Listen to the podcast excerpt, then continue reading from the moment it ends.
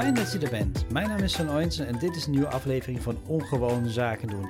De podcastserie die bedoeld is voor marketeers, ondernemers en creatives die misschien een klein beetje inspiratie nodig hebben. En dan ben je hier bij het juiste adres, want hier komt de zin en onzin van mijn gedachtegang bij elkaar en daar kun je je voordeel mee doen. Maar let op, neem alles wat hier gezegd wordt dus ook met een korreltje zout en blijf vooral je eigen mening formuleren, zodat je zaken kunt doen zoals jij dat graag wilt. Ik zit in mijn tiny studio, het is lekker rustig buiten en ik zie voor mij een afbeelding van een uh, kunstenaar. Die heet 100 uit Amerika. En, uh, en ik moet er echt naar kijken, want het blijft me toch integreren. Het is zo, vind ik wel mooi qua tegenstelling van kleuren. Van oranje en in combinatie met blauw. Maar waar gaat het eigenlijk over? 100 is een kunstenaar uit Amerika die zich vooral toelegt op straatkunst. En dan van het hele grote werk, echt mural art zoals het heet. En laatst was een festival in Rotterdam. En om precies te zijn was het een straatkunstfestival. En het heette Caps 22. En ja, het was echt te gek. Straatkunstenaars vanuit de hele wereld kwamen bij elkaar. En je zag dus ook heel veel mensen echt letterlijk aan het werk. En dat gebeurt gewoon niet te vaak. Vaak zie je inderdaad, als je langs de snelweg rijdt, dan zie je misschien de eindresultaten, maar nooit echt het werk terwijl het gemaakt wordt.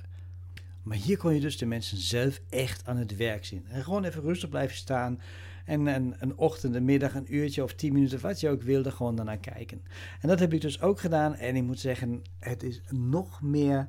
Ja, wat is het? Uh, ja, ik ben er gewoon helemaal flabbergasted van. Want die, die, kunstwerken zijn echt zo enorm groot. Uh, ja, echt, echt was fantastisch. Um, ik denk ook zeker dat ik, dat ik weer ga. Maar waarom vertel ik dit allemaal? Omdat ik weet dat in Amsterdam, vlakbij het Amsterdamse bos, daar is ook zo'n muur. Er is ook zo'n muur, dat is vlakbij de, bij de inrit volgens mij van, uh, van dat terrein. En daar is ook altijd een heel mooi kunstwerk geschilderd. Ik heb ook geen idee wie dat doet, maar ik weet zeker, het is altijd een reclameuiting. Heel vaak heeft het te maken met een game.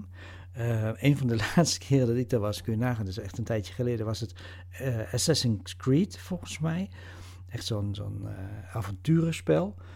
En die staat er levensgroot geschilderd op die muur. En het ziet er ook elke keer weer indrukwekkend uit. Echt helemaal te gek. En dat is dus gemaakt met een commercieel doel, want het trekt gewoon ook echte aandacht. En dat had ik in Rotterdam ook, overal waar ik kwam, waar, waar men bezig was en waar ook de, de kunstwerken te zien waren. Het was zo indrukwekkend, echt kippenvel, uh, sommige dingen, ook qua thematiek. Dat ik dacht van, nou, het is echt zo bijzonder dat, dat je gewoon nergens anders kon kijken eigenlijk dan, dan naar die kunst.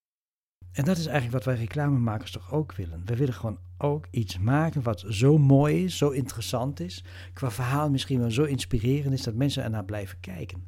En heel vaak lukt ons dat helemaal niet. Heel vaak zijn we inderdaad heel, met hele vluchtige dingen bezig. En ook al heb je een billboard wat misschien ook bijna zo groot is als een muur tot je beschikking langs de A4 of langs de A2, dan nog is het vaak zo dat het niet de aandacht weet te trekken van de autorijder. En zo'n straatkunst doet dat dus ja, vaak wel. En nog iets moois van straatkunst, het blijft veel langer ook op die plek dan zo'n billboard. En dat vind ik dan ook weer het mooie van die straatkunstreclameplek, ik weet niet hoe ik het moet noemen, vlakbij het Amsterdamse bos, uh, waar ik in ieder geval Assassin's Creed uh, heb gezien. Dat is misschien wel een veel betere manier om met murals om te gaan. Zeker als het gaat om reclame. Dat je iets maakt wat gewoon echt mooi is, wat iets versiert, wat gedenkwaardig bijna is en waar mensen ook naar blijven kijken. En wat dus ook misschien wel veel langer blijft hangen, omdat het geschilderd is, dan een billboard voor maar een paar dagen of een paar weken. En dan denk ik zeker ook dat het voor veel bedrijven de investering waard zou kunnen zijn om te overwegen in plaats van billboards die wat vluchtiger zijn, toch gewoon letterlijk na te denken van hoe kunnen we nou iets maken wat voor langere tijd bedoeld is, wat uh, de straten versiert, mooier maakt en misschien wel ook een positieve boodschap brengt. En dat gewoon inzetten als straatkunst in plaats van alleen als pure reclame. En daardoor een blijvende statement maken op een bepaalde plek.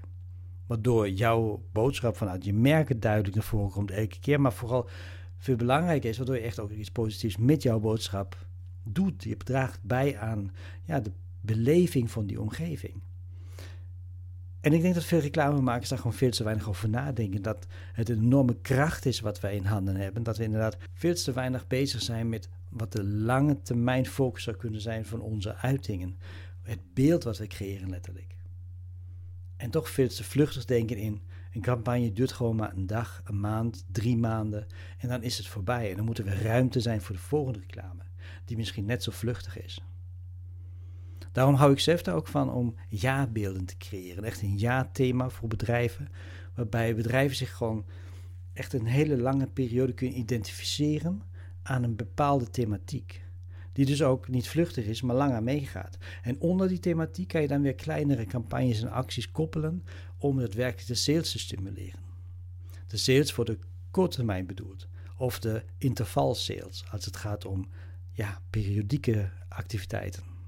En dat wilde ik eigenlijk met je delen. Dat je weet, er is meer dan alleen het vluchtige billboard of A4'tje.